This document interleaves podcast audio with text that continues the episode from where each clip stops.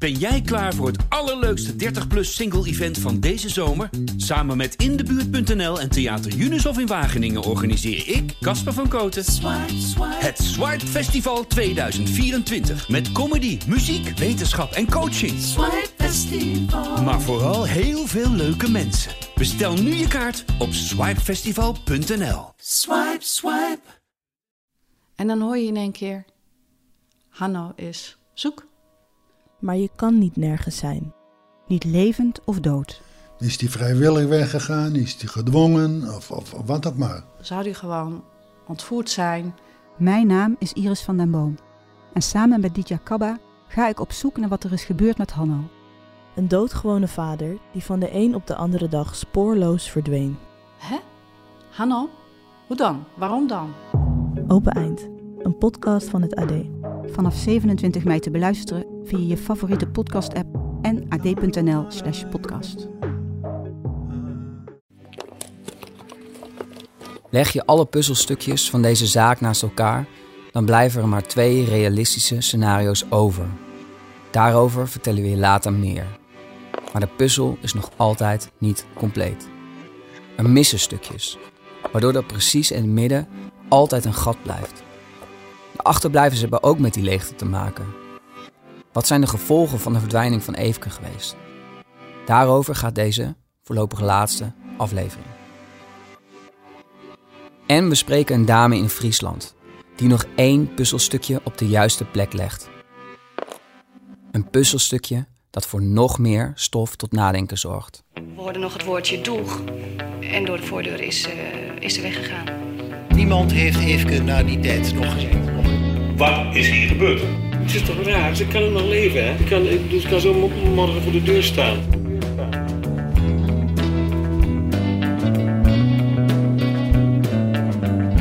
Ik weet ook wel dat ze langzamerhand begon te vertellen dat ze ook best wel een heel ander leven wilde gaan leiden. Ja. Het meest logische lijkt mij dat ze niet zelf weggelopen is. Dat ze met iemand, dat, dat denk ik. Met iemand. Met iemand. Dit is Eefke, in rook opgegaan. Podcast van de Stentor. Aflevering 6, Het Leugentje. Hallo. Goedemorgen. Bent u Goedemorgen. ja. ja. Hallo. Ja, rustig, rustig, rustig. Oh jee. Inderdaad, weer een hond. Maar die zal ons gesprek niet beïnvloeden. De vrouw die je hier hoort praten is Thea, oud-collega van Eefke bij Bloemenstein. Alweer een oud-collega, zul je misschien denken. Maar dit was niet zomaar een collega. Nee, Thea was de laatste die Eefke in levende lijven zag. Althans, van wie bekend is dat ze Eefke in levende lijven zag. Even tussendoor. Als je googelt op de zaak van Eefke, dan vind je in bijna ieder verhaal een quote van een stagiaire bij Bloemenstein. Zij zegt samen met Eefke de deur uitgelopen te zijn. Haar vader zou Eefke een lift aan hebben geboden, omdat het slecht weer was.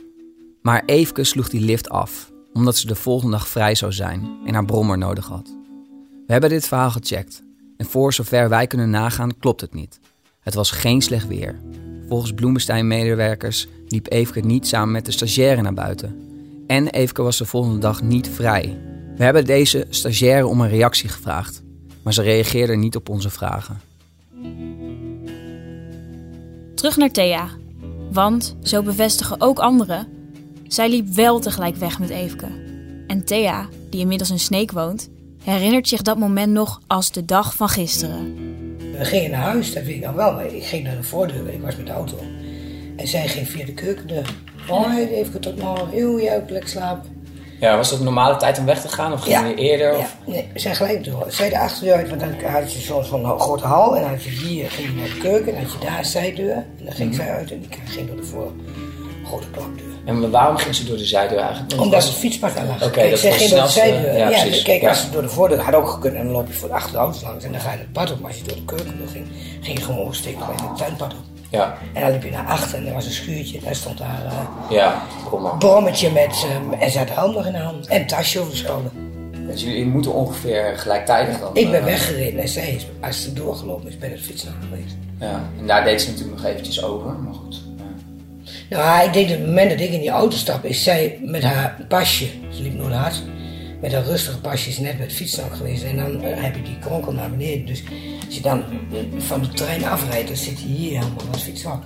Dus, dus die rijdt weg en je, je, je kijkt niet in je achteruitspiegel, je kijkt vooruit. Ja. En Heb je wel is- eens gedacht van, wat nou als ik wel mijn achteruitspiegel had gekeken? Misschien. Ja, maar je, je denkt inderdaad, heb ik nooit heb ik niks gehoord. Had ik wel, had, had die, dat denk je, want je werkt zo nauw samen. En had je iets kunnen signaleren waarbij je had kunnen voorkomen dat ze niet naar het pad liep. Maar ja, voor hetzelfde is ze naar de achtergaan gelopen. En zat, zat daar iemand op achterwacht. Thea denkt nog regelmatig aan die nacht. De nacht waarop ze die man of vrouw tegen had kunnen komen, die alle antwoorden over Eefke heeft. Maar waarvan ze wellicht ook zelf slachtoffer had kunnen worden. Eh, want daar heb je er wel eens over nagedacht. Jullie vertrekken natuurlijk op hetzelfde moment ongeveer, wel uit verschillende deuren, maar toch. Dit heb ik Je bent echt super ik- dichtbij. eh, Ja, ik denk hetzelfde was ik te klas geweest. Dat heb ik wel eens gedacht. ja. En dat maakt de angst na, na die tijd ook veel groter. Je hebt wel je nachtdienst en je moet wel in dat re- verrekte was ook weer in. Beïnvloedde dat je? Merkte je dat? Ja, dat ben je gespannen. Kijk, er waren mensen die deden geen nachtdienst meer. Maar ja, als niemand nachtdienst doet, gewoon niemand meer werkt. Dus Nee. ik deed gewoon mijn nachtdienst. Maar ik ben altijd op moeder, maar toen was ik wel extra op moeder. Ja. En dat ik ook wel iets meenam van de grote lamp of zo. Dat ik daar ga Ja, smalen. want je kon natuurlijk ook geen alarm slaan zoals nu dat je even je mobieltje paraat hebt of zo. Of, Er eh, staat geen systeem, niks. nee. Achteraf denk ik, dat vind ik ook wel raar. Dat ze gewoon moeten doen. En wat denkt Thea dat er is gebeurd? Dus ik denk dat ze echt weggelopen is. En daar is iets gebeurd. Of zij is zelf weggegaan. Ja. Maar ja, dan ga je niet. eh, ja, maar ja, goed, ik bedoel, ik kom, kom niet bij mij op. Maar als je echt weggaat, zou ik dat niet zo doen natuurlijk. Nee, dan neem je je bronfiets mee. Dat is Ja, ja, ja. Of je gaat met de bronfiets naar een plek en, en daar ga je verder reizen. Ja, ja. Bijvoorbeeld. Maar ik denk zelf wel dat ze vermoord is. Denk ik echt. Ja. En waarom? Nou, omdat daarna in die cold case is, is, is bij mij in, in Luttergeest woonde ik toen. Ze hebben ze ook gevraagd van, er was, er was een gerucht van dat zij onder dat wegdek eh, bij Hartem... eh, Ja. Nou, dat gerucht, dat, dat, dat, dat geloof ik wel dat dat waar is. Ja? Ja, dat geloof ik. Ik geloof echt niet dat ze verdwenen is. Ik denk omdat Eefke ook toch wel zo gewetensvol was dat ze haar ouders dit niet aankonden. Dat geloof ik echt. Ja. Ze kwam wel heel integer over. er is. Ja, en volgens mij was het best wel, ook al was het niet een innige relatie, maar zij was, zij, zij was geen verstoten meisje, Oh, dat geloof ik niet. Nee, dat geloof ik niet. Maar goed, weet je, je kunt door niemand inkijken. Misschien had ze wel twee, had ze wel twee levens. Maar ik denk zelf dat ze misschien best wel een date had en dat die date gewoon verkeerd is gelopen. Dat denk ik zelf. In elke vermissingszaak wordt geroepen dat de vermiste onder het asfalt of in een bestaand graf is gedumpt. Het is heel lastig om die verhalen te checken. Het verhaal van Thea wordt nog interessanter. Zij was ook degene die de volgende ochtend als eerste doorhad dat Eefke niet op haar werk was. Dus ik zei bij haar van, oh, ze zit ze slaap boven. Dus eh, dat, dat denk ik dus, omdat het niet was. Ik zei, nou, ze is vast boven blijven slapen. En toen ging ik kijken boven, die lag er niks. En toen heb ik haar moeder gebeld. Oh, je hebt haar moeder gebeld? Ja. ja. En die zei van, nee, maar ze is niet thuis. Ik zei, nou, dat is, dat, nou, ik zei, dat is een beetje vreemd, want ze heeft hier ook niet geslapen. Ik zei, nou, kan ze ergens anders zijn, kunnen u haar bereiken? Nou, nee, want ze zou bij jullie slapen. Nou, toen kreeg ik een kribbelig gevoel. Toen dacht ik, nou, dan moet ik gewoon één ding doen. Maar de moeder dacht echt dat ze bij jullie ging slapen ook. Dat was ook het plan. Want kon je ja, zien of het bed beslapen was? Nee, Of? was niet beslapen, nee, want ik heb Oh, niemand betrokken. Ik zag maar- niemand liggen, maar ik zag ook dat niemand slapen was. Nee, nee, precies. Het was niet zo dat er misschien één was op de code. Je ging, eh, als je daar beslapen zag je altijd dat het bed voor de ander al opgemaakt. Ja. Ja. Oh, maar die moeder dacht dus dat ze Ja. bij me zijn zou Ja. slapen. Dat Ja. heeft ze echt tegen jou Ja, gezegd. ja, nee, ze is hier niet. Ze is bij jullie bij slapen. Ja, toen zei ik van, goh, ik dacht dat ze gisteravond naar huis ging. Ik zei, maar misschien heb ik het ook fout. Ik denk, ik wil het toch iets zwaar maken. Maar ik heb Ja. wel zoiets van, dit voelt me goed. En toen Ja. heb ik de dikke slijkhuis gebeld. Ja. En hoe reageerde Slijkhuis? Toen kwam het gelijk aan. Ja. En die heeft toen op een gegeven moment gelijk vrij flauw ook de politie gebeld. Op deze opname is veel lawaai. Maar wat ze ons uitlegt is opvallend. Er waren slaapkamers op Bloemenstein, waar je ook kon blijven slapen na een late dienst. En dat deed Eefke ook wel eens. Eefke was die vrijdagochtend te laat, dus Thea checkte boven de bedden. En die waren nog netjes opgemaakt. Daar had Eefke dus niet geslapen. En daarom belde Thea met de moeder van Eefke. En die moeder vertelde haar iets opvallends. Dat zij wel dacht dat Eefke bij Bloemenstein zou blijven slapen. Eefke had dus tegen haar ouders gezegd dat ze bij Bloemenstein zou slapen. En tegen haar collega's bij Bloemenstein zei ze juist dat ze naar huis ging. Een leugen om een afspraakje geheim te houden? Je hoorde eerder al van het cold case team dat de politie geen enkel scenario uitsluit. En dat is ook terecht. Het is ook de taak van de politie om het vizier open te houden. Gelukkig zijn er meer deskundigen op dit gebied. Mensen die iets meer stelling durven te nemen. Oud-regisseur Dick Gooseweer bijvoorbeeld. Je hoorde hem al eerder in deze podcast. Hij dook de afgelopen jaren diep in meerdere cold case zaken. Hij hoeft geen blad voor de mond te nemen, want hij werkt niet meer voor de politie. Op ons verzoek heeft Gooseweer alle feiten naast elkaar gelegd en een analyse gemaakt. Hij komt tot een soortgelijk scenario als dat van Thea. Het meest waarschijnlijke lijkt mij, nou dat ik gehoord heb van die woning en zo, dat, dat, dat ze daar eh, een bekende daar, daar heeft opgewacht. Ja. En dat ze uh, waarschijnlijk gewoon met die bekende is meegegaan. Misschien wel vrijwillig. Vrijwillig, die kans is, is het grootste natuurlijk. Want als je, ja, als je met zijn meisje moet gaan lopen slepen. Ik weet niet hoe het toen was, maar als je nu kijkt, liggen er allemaal villa's in de omgeving. Ja, en zo. nog steeds. Het is dan niet direct een, een plaats waar je denkt, die ga ik eens met een meisje lopen slepen. Dus de kans is het grootste dat ze met iemand er afgesproken had. En dat dat op die afspraak op een of andere manier te hand gelopen is. Ja. Maar als ze gelijk het terrein hebben afgezocht de volgende dag of de dagen daarna in de omgeving, is de kans ook niet heel groot dat ze daar is aangetroffen. Dat betekent gewoon dat iemand de beschikking moet hebben gaat over een voertuig. Bij iemand in de auto gestapt. Ja. Misschien uh, om, om een partijtje te vrijen of wat ook wel even in de buurt of daar in het trein. En dat dat op een of andere manier uit de hand gelopen is. Dit klinkt inderdaad als het meest logische scenario. Eefke moet zijn ingestapt of achterop zijn gestapt bij een bekende. En ergens anders is die afspraak vreselijk misgelopen. In de vorige aflevering hoorde je dat de familie van de overleden tuinman niet met ons wil praten. En dat ze in plaats daarvan naar het cold case team zijn gestapt. Wij hebben dat team om een reactie gevraagd. Heeft de familie informatie doorgegeven? En zo ja, welke informatie? We krijgen een reactie per mail. De politie zegt niets over de inhoud van gesprekken met anderen. Niets over wat er in zo'n gesprek is gezegd of wie ze hebben gesproken. Ze kunnen ons dus niet verder helpen. Onbevredigend, maar de waarheid. Maar we spreken wel iemand anders, een rechercheur. Nee, niet een rechercheur, de rechercheur die het onderzoek deed naar de vermissing van Eefke, de heer Ten Pas. Driemaal gingen we bij hem langs. Eerst zag hij niets in opnames, maar de laatste keer vond hij het goed dat we de recorder mee lieten lopen, mits de broer van Eefke toestemming zou geven. En dat gebeurde. Wel met voorwaarden. Ten Pas wilde vragen van tevoren lezen. En hij wil zijn eigen antwoorden voorlezen, zodat hij geen dingen zegt waar hij later spijt van krijgt. Dit is zijn antwoord op de vraag wat zijn team na de verdwijning precies heeft gedaan. Ja, dat is een, een groot verhaal, maar je wil het toch beperken. Via de gebruikelijke politiekanalen werd deze vermissing wereldkundig gemaakt en werd het signalement van Eefke met een foto verspreid. Buurtonderzoeken werden nabij Bloemenstein gehouden. Verkeerscontroles om en nabij Bloemenstein zijn er geweest. Uitgebreide gesprekken met personen die wat informatie zouden kunnen geven over het wel en wee van Eefke. Alles gericht op het vinden van aanknopingspunten voor haar vermissing. Uitvoerige gesprekken met de ouders van Eefke. Wat voor type mens was Eefke en hoe stond ze in het leven? Nader onderzoek en afwerking van de binnengekomen meldingen naar aanleiding van de mediaberichtgeving. Natrekken en afstrepen van personen die op grond van hun antecedenten hiervoor in aanmerking zouden kunnen komen. Natrekken van personen die op proefverlof waren of die daarvan nog niet waren teruggekeerd. Opvang en begeleiding van een aantal helderzienden naar een plaats waar Eefke begraven zou zijn.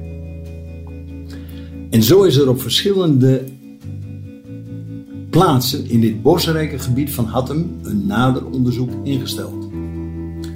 En een van de laatste opsporingsfeiten is geweest het tv-programma Opsporing Verzocht. Ja, en als ik deze vraag mag stellen, maar heeft het iets opgeleverd?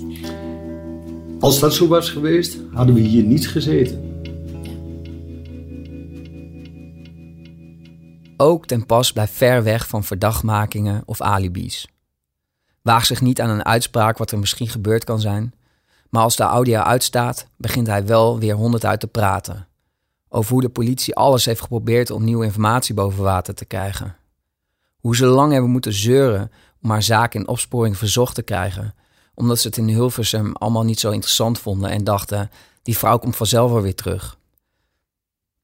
Maar ook hoe de politie zelfs in zee ging met paragnosten, zonder resultaat. En dat Eefke meerdere keren werd gezien. Althans, dat dachten mensen. Dan weer in Friesland, dan weer in België, dan weer in Schotland. De agenten trokken alles na, maar weer geen succes. We komen nog één keer terug op de redactie in Zwolle om onze conclusie te trekken. Nou, uh, Arjen, we zitten er voor de allerlaatste keer. De terug op de redactie in ons glazen hokje. Um, voorlopig wel. Voorlopig wel, in ieder geval. Uh, waar moeten we het over hebben? Wat, ja, we hebben gekeken. Wat denken we dat er is gebeurd? Ja, Thea heeft natuurlijk nog een laatste. Wij noemen het een puzzelstukje erin gegooid. Namelijk dat ze tegen haar ouders blijkbaar had gezegd dat ze daar sliep. Ja. En uh, ik heb er best wel over na zitten denken. Wat me, wat me toch verbaast, ik ben benieuwd hoe jij erover denkt, maar uh, stel dat je een geheime afspraakje hebt. Ja. Dan pak je je helm, van, uh, die neem je mee, want anders weet iedereen binnen van ze is er nog. Mm -hmm. Hoe kan dat? maar waarom je dan niet op de brommer bijvoorbeeld naar dat afspraakje gaan? Jij denkt misschien om geen argwaan te wekken, neem je dan je helm mee, maar waarom neem je dan niet je brommer mee? Ja. Ja, dat kan natuurlijk zijn omdat die helm veel, veel meer in het zicht ligt dan die brommer. Uh, dat mensen niet zo snel in het fietshok gaan kijken en wel die helm nog zien hangen aan de kapstok. Ja, precies. Als het de enige brommer was in, het, in die fietsenstalling, dan, ja, dan gaat niemand daarmee kijken natuurlijk. Dat is een beetje afgelegen plek en zo. Ja. Dus waarom zou je daar nog een kijkje nemen? Als de helm weg is, is zij weg. Denkt iedereen, goh, die is naar huis. Ja, Toch? ja, dat lijkt mij ook. Dus dan is het heel makkelijk te verbloemen dat je potentieel een afspraakje met iemand hebt. Uh, denk je dat er nog andere redenen zijn waarom je waarom zou je die helm meenemen? Want je zou hem natuurlijk ook gewoon kunnen laten hangen in principe. Ja, omdat je in eerste instantie gewoon daadwerkelijk denkt dat je weg gaat rijden op je brommer. Maar onderweg in, richting dat fietshok iemand bent tegengekomen. Dus dan pak je je helm, loop je richting het fietshok naar je brommer toe. Maar kom je op dat pad van nog geen 25 meter een, uh, iemand tegen bij wie je instapt. Dat zou kunnen. Ja, en die zegt misschien uh, uit het niets, uh, ga even met mij mee. Het, zou Mhm. een bekende, het moet daarnaast wel een bekende zijn, zeg maar. Ja. Anders gaat ze natuurlijk niet zomaar instappen. Of Nee. iemand die ze vertrouwt in ieder geval, laat het zo zeggen. Ehm, maar ja, dat kan inderdaad wel. Dat je dus ehm, een beetje eh, onverwacht, dat ze misschien toch van plan was naar huis te gaan. En dat die ouders gewoon hebben gedacht, ze is niet thuis, dus ze zal wel op Bloemenstein eh, Ja. slapen. Dat kan natuurlijk ook. Of het kan zijn dat ze eh, met iemand had afgesproken die op een bronfiets of een motor was. En dat ze dus gewoon praktisch gewoon die helm nodig had. Missen we dan nog wat? En het kan zijn dat het gewoon een duur ding was. Dus dat je denkt, ja, ik eh, laat hem daar niet hangen, ik neem hem gewoon mee. Eh, want straks wordt hij gestolen. Maar daar zit ook weer een andere kant aan. Want waarom hang je hem dan wel de hele tijd aan de kapstok tijdens je werk? Zij zegt tegen de mensen van Bloemenstein, ik ga naar huis. Mhm. Als haar helm daar nog hangt, is het... Ja, dan, dan weet iedereen, zij is niet naar huis. Ja, Dus dan gaan ze misschien s'avonds al ergens zoeken. En de volgende dag, als zij op werk eh, zou zijn verschenen... kreeg ze allemaal vragen, joh, waar was je heen dan? Je helm hing er nog en eh, je ging toch naar huis? Ja. Je brommer stond er nog? ja en dan, dan is het allemaal niet zo geheim meer dat je een afspraakje had. Nee. Ehm, en nou ja, nog een vraag die we ons wel zouden kunnen afvragen is... waarom zou Eveke gelogen hebben tegen haar ouders? Waarom niet gewoon zeggen dat je met iemand hebt afgesproken? Ja, lig jij wel eens tegen je ouders als je stiekem afspraken hebt?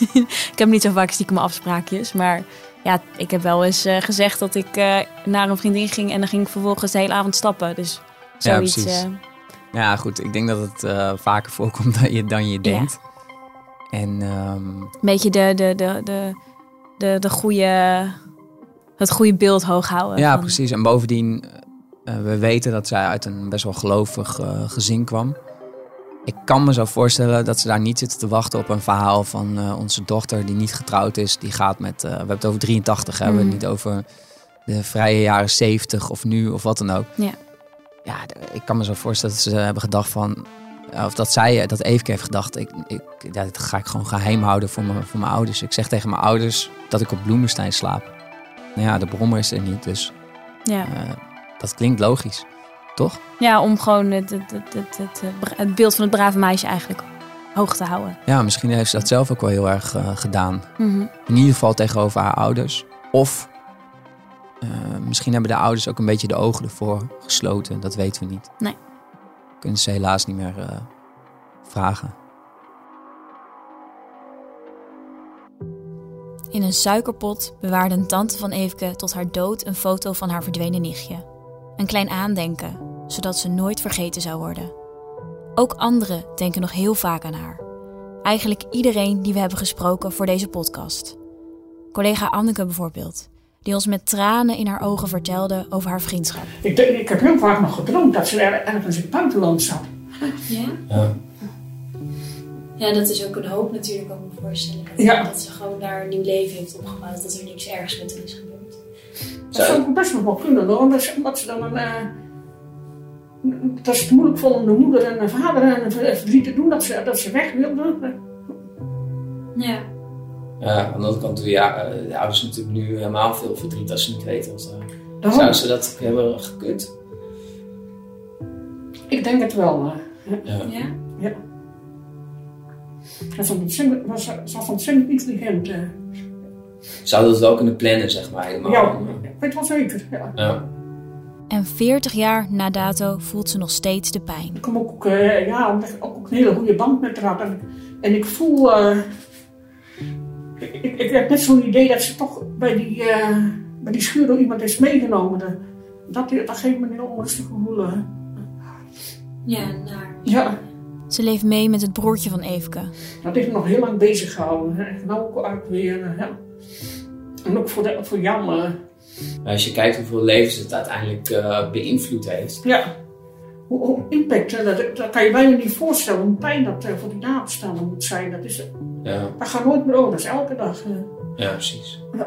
En dan directeur Dick Slijkhuis. Ik weet wel dat mijn jongste dochter, die, die had in de buurt van Bloemenstein een vriendje. Och man, ik kneep hem. Echt zeldzaam. Ja. Ik denk, zal toch niet, hè, dat je, want je weet nooit wat er gebeurd is. Nee. Dus- Nee. En toen kwam ze s'avonds heel laat. En dan zeg je toch van... eh, nou, eh, ik er naartoe natuurlijk. Ja, dat kan je wel. zijn we niet leuk natuurlijk. Nee. Maar dat, is een trauma, ja. Ja, Ja, ja. ja. Stukken dingen. Ja. Voor de oud-directeur is het niet alleen het verdriet van het kwijtraken van een naaste, maar ook nog al die priemende blikken. Omdat hij vaak op het politiebureau zat om de hele situatie op Bloemenstein uit te leggen. De gevolgen van dat laatste zijn enorm. En mijn jongste dochter was toen tien, denk ik. 83, ja. En eh, jouw vader is, eh, is de moordenaar. Want die zit elke dag op politie. Die, is- die is nu achter. Ja, die zal iets te verbergen ja, die heeft hebben. wat te verbergen. Die zit achter slot en grendel, ja. En die kennen hem goed, ja. Mensen hier in de stad, die zetten zo de rug naar je toe, hoor. Die- Echt? Waarvan ik dacht dat dat goede kennissen waren. Zo. Als ik dan langs kwam fietsen, dan uh, ging ik de andere kant op staan. Of wat dacht je van Ben en Joyce Eikelboom? Ook collega's die je eerder hoorde. Ze dachten in die periode vaak aan Eveke. Het was zo'n hele nare, vervelende tijd. Ja, dat Ja. Dat je, eh, nou ja, ook, eh, ja, we woonden in die tijd in, eh, in, in, in Hasselt. En ja, dat je dan ook op de meest gekke momenten denkt, oh, dat, je, dat je dacht, oh, daar lopen ze, weet je wel, of daar is ze. Of, dus voordat het allemaal weer een beetje genormaliseerd was, dat heeft heel lang geduurd. En natuurlijk haar eerste vriendje Bertus. Bedenk je even, hij had een soort van verkering met haar toen ze 16 waren. Dat was in 1974. Toch stond hij meteen klaar om ons te helpen, omdat hij wil dat het opgelost wordt. Maar dan is de vader en moeder dan niet meer, maar dat is voor het broertje nog wel goed en voor iedereen die, die, ze, die er kent. Ja. Zo oud was ze nu dan ook nog niet geweest, toch? Ik bedoel, ja, 63. Zo Nee joh, dat is wel... Ja, dan, Geen 100. Nee joh, ik ben er heel open mee, want uh, ze moeten gewoon zo'n bandiet maar zo oppakken. En dan onze collega Joop, die al jaren deze zaak volgt en uitpluist. Hij sprak nog regelmatig mensen die gegrepen zijn door de zaak Eveke Wolf. Ik kan me zelfs herinneren dat eh, een jongen die daar toen werkte, en die ik ook gesproken heb, die, eh, die kwam op een gegeven moment met een landkaart bij mij terug om aan te geven welke routes zij mogelijkerwijs had gefietst of gebromfietst van Wezep naar Hattem. Ja. En weer terug. Dat was dan door het molenkaartenbos. Is heel bijzonder. Dat geeft aan hoe mensen daarbij betrokken zijn. Nu nog. Ja, Ja, nog steeds, ja. Bijna 40 jaar later. Ja. En ook Thea, die aan het begin van deze aflevering hoorde, is nog altijd emotioneel over de verdwijning van haar collega. Kijk, en toen je ook belde, toen schrok ik ook. Want je, je duwt het wat weg, maar het is wel een onderdeel van. Je bent zelf jong. En, en in, in die tijd gebeurt je dit. Nou, dat is natuurlijk een gebeurtenis die je eigenlijk nooit meemaakt je leven. Ja, het is heel heftig. Ja, ja. ja het, was, het is voor ons allemaal shocking geweest.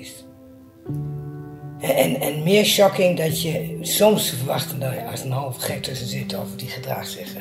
En die gaat de kroeg in en die heeft regelmatig een ander vriendje en de wand staan en weet ik veel wat. Dan, kun je, dan denk je, ja, dit kan iemand gebeuren. Je, je laat, maar bij Eefke had je dit gewoon nooit verwacht. Je had nooit verwacht dat zij zomaar zou verdwijnen. Dat, dat verwacht je maar niet. Nee. Want ze- je, da- je dacht dat zij een heel steady leven had. En dat is misschien ook wel zo. Ja. De familie dan. Nichtje Truus, die helaas niet op audio wil reageren en wiens echte naam we niet mogen gebruiken. Zij vertelt ons hoe ze na de verdwijning van Eefke nog regelmatig bij de ouders van Eefke langs ging. Als hart onder de riem. Als ze de woning binnenging, maakte ze altijd expres veel lawaai en liet ze weten dat zij het was. Uit angst dat de ouders misschien een seconde dachten: hé, hey, Eefke staat bij ons in de woonkamer. Of wat dacht je van het hechte Bloemenstein-team? Dat viel uit elkaar, vertelt Gerrit, de klusjesman. Maar het is wel een heel triest verhaal, al met al. Ja. Want de, de club is nooit weer geworden wat eh, de club daarvoor was. Het was al een heel nare, vervelende tijd. Van op, Het is wel een heel triest verhaal. Het is voor ons allemaal shocking. We gaan meer over, elke dag.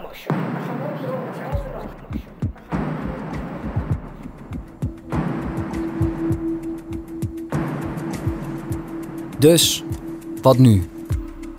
Wat kan er nog? Is er eigenlijk nog een mogelijkheid dat er iets van Eefke wordt gevonden? Na 40 jaar? En kun je daar dan nog wat mee? Het antwoord op die vraag is ja. Er worden zelfs nog botten uit de Tweede Wereldoorlog onderzocht door het NFI. Ja, een schedel blijft heel lang intact, om dat eens iets te noemen. Dus daar, haal je, daar kun je sporen afhalen. Vast staat dat de familie Wolf meewerkt aan de internationale DNA-databank, hoorden we bij het Cold Case team. Mocht er ergens ter wereld iets worden gevonden van Eefke, dan kan er via de DNA-databank een match ontstaan. Ja, we hebben een internationale signalering, we hebben een gele hoek. Dat is het, een formulier waarmee we onze langdurig vermisten delen met de rest van de wereld. Ze zit in de da- het familiair DNA zit in de databank. Dus we proberen haar dan vindbaar te maken. Of we haar nou levend of, of dood aantreffen. Op welke manier je ook gaat zoeken. Als je gaat zoeken dat ze gevonden wordt. Alleen niet alle landen werken op dezelfde manier als Nederland.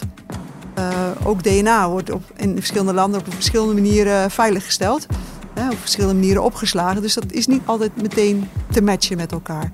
Ook daarin zijn ontwikkelingen dat we een internationale databank aan het creëren zijn.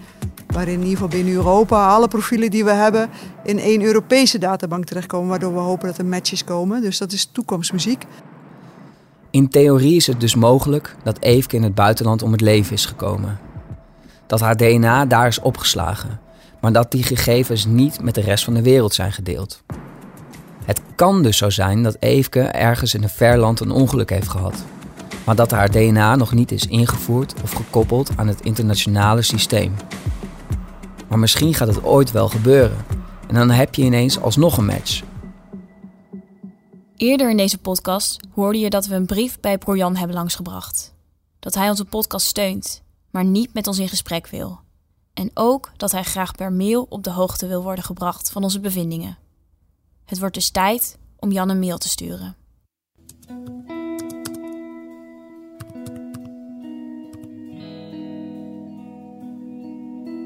Beste meneer Wolf, het is een hele poos geleden dat we elkaar spraken. Dat we bij u voor de deur stonden om een brief af te leveren. Daarin schreven we dat we een podcast wilden maken over uw zus, Eefke Wolf. Dat we daar echt de tijd voor wilden nemen. Niet over één nacht ijs wilden gaan. In deze mail willen we u graag op de hoogte brengen van wat we boven water hebben gekregen. Nu, elf maanden, ruim 100 gesprekken en een heleboel research verder, zijn we bezig met het afronden van de podcast. We hebben geprobeerd een zo eerlijk mogelijk portret van Eefke te maken. We spraken met kennissen, vrienden, collega's, politie, haar ex-vriendje, andere journalisten die er ooit mee bezig zijn geweest. Voor het eerst doen tientallen mensen hun verhaal, delen hun beeld over Eefke. We hebben uw zus daarom echt een gezicht kunnen geven. Uit de gesprekken blijkt dat Eefke veel meer is dan een braaf en rustig meisje. Ze was enorm goed in haar werk, was slim, kon flink discussiëren en sprak met mannen af. We zijn erachter gekomen dat roddels en verdachtmakingen na Eveke haar vermissing de overhand hebben genomen. Daar hebben veel betrokkenen last van gehad. We hebben gepoogd elke verdachtmaking, elke roddel en elk gerucht uit te lopen. Uiteindelijk hebben we alle informatie die we hebben opgehaald voorgelegd aan een oud-rechercheur. Samen met die rechercheur komen we tot één aannemelijk scenario. Namelijk dat Eveke stiekem met iemand had afgesproken, die noodlottige avond in augustus. En dat dat uiteindelijk is misgelopen. En we hoorden van de politie dat de dagboeken van Eveke waarschijnlijk door de papierversnipperaar zijn gegaan. Net als grote delen van het dossier. We hopen dat die informatie u ook al eerder heeft bereikt.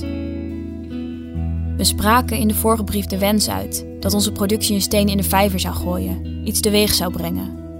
We hebben zeker nieuwe informatie boven tafel gekregen. Dingen waar de politie weer verder op kan rechercheren. Wat ons betreft is deze zoektocht ook nog echt niet klaar. We hopen dat deze podcast ervoor zorgt dat mensen naar voren stappen, zodat we de avond dat Eveke verdween nog verder kunnen inkleuren, zodat duidelijk wordt met wie ze had afgesproken. We hopen dat u in de podcast terug hoort dat Eveke absoluut niet vergeten is bij al die tientallen mensen die wij spraken. Dat ze nog voortleeft in de geheugens van vele mensen. Met vriendelijke groeten, Arjen ten Katen en Paulien Plat. Wij hebben haar niet weten te vinden. Dat was ook te mooi om waar te zijn. En toch, er wordt in Wezep en Hattem sinds ons onderzoek weer volop over Eveke gesproken. Er hoeft maar één iemand een gouden tip te geven. Misschien wel diegene die haar die avond oppikte.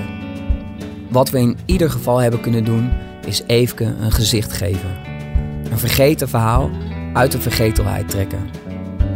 Ze verdient dat. Eveke was meer dan een brave, saaie jonge vrouw. Haar dossier en dagboeken mogen dan grotendeels vernietigd zijn. De herinneringen aan Eveke zijn dat zeker niet. En wees gerust, dit hoeft niet de laatste aflevering te zijn. We zijn nog niet klaar met dit verhaal, maar voor nu en zonder nieuwe aanwijzingen voorlopig even wel.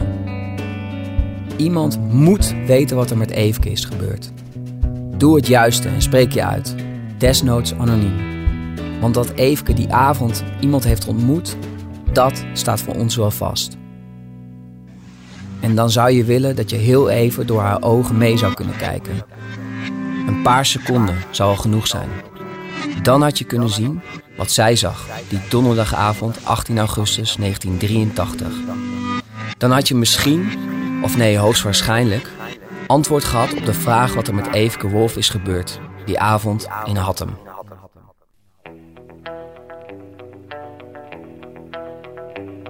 Dit is een podcast van de Stentor, in samenwerking met het AD en de regionale titels. De podcast is gemaakt door ons, journalisten Arjen ten Katen en Paulien Plat. Montage en coaching Sander de Heer. Dank aan Karin Smolders, Sylvia Kools, Bart Lauret, Manon van der Knaap, Bas Tijhaar, Nicola Lensen en Kevin Goes. Voor het meedenken, voor het vertrouwen en de tijd die ze ons voor dit onderzoek gaven. Speciale dank aan Joop Offringa en collega Anne Boer, die ons echt een heel eind op weg hebben geholpen. En dank aan alle mensen die voor deze podcast in hun geheugen zijn gaan graven. Over Eefke, over Bloemenstein, over het onderzoek en over Wezep. En natuurlijk de mannen van Cooler Heads. Dankjewel voor de spannende muziek. Heb jij toch nog informatie over deze zaak? We blijven bereikbaar via eefke.destentor.nl Subscribe of volg deze podcast. Dan zie je wanneer er alsnog een nieuwe aflevering komt. Wil je meer true crime van de Stentor? Luister dan ook de Deventer Moordzaak.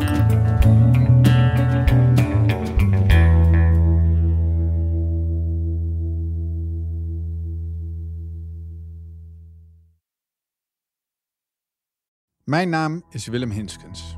Ik heb gezegd, broer. Ben niet koken. Wat denk je van je? Hey. Dit is mijn verhaal. Niks te klaar, vriend. Ik ben niet met de klaar. Loop naar toe, haal hem uit. Een verhaal over een mishandeling. Mijn mishandeling. 30 jaar geleden in een stadspark in Deventer. Ook ik werd belaagd, geslagen en geschopt. In deze podcast ga ik 30 jaar na mijn mishandeling alsnog de confrontatie aan met mijn belagers. Niet om verhaal te halen, maar om in gesprek te gaan. Luister Klappen, een nieuwe podcast van het AD en de aangesloten regionale dagbladen. Ben jij klaar voor het allerleukste 30-plus single-event van deze zomer? Samen met Indebuurt.nl en Theater Junushof in Wageningen organiseer ik, Casper van Koten, het Swipe Festival 2024. Met comedy, muziek, wetenschap en coaching.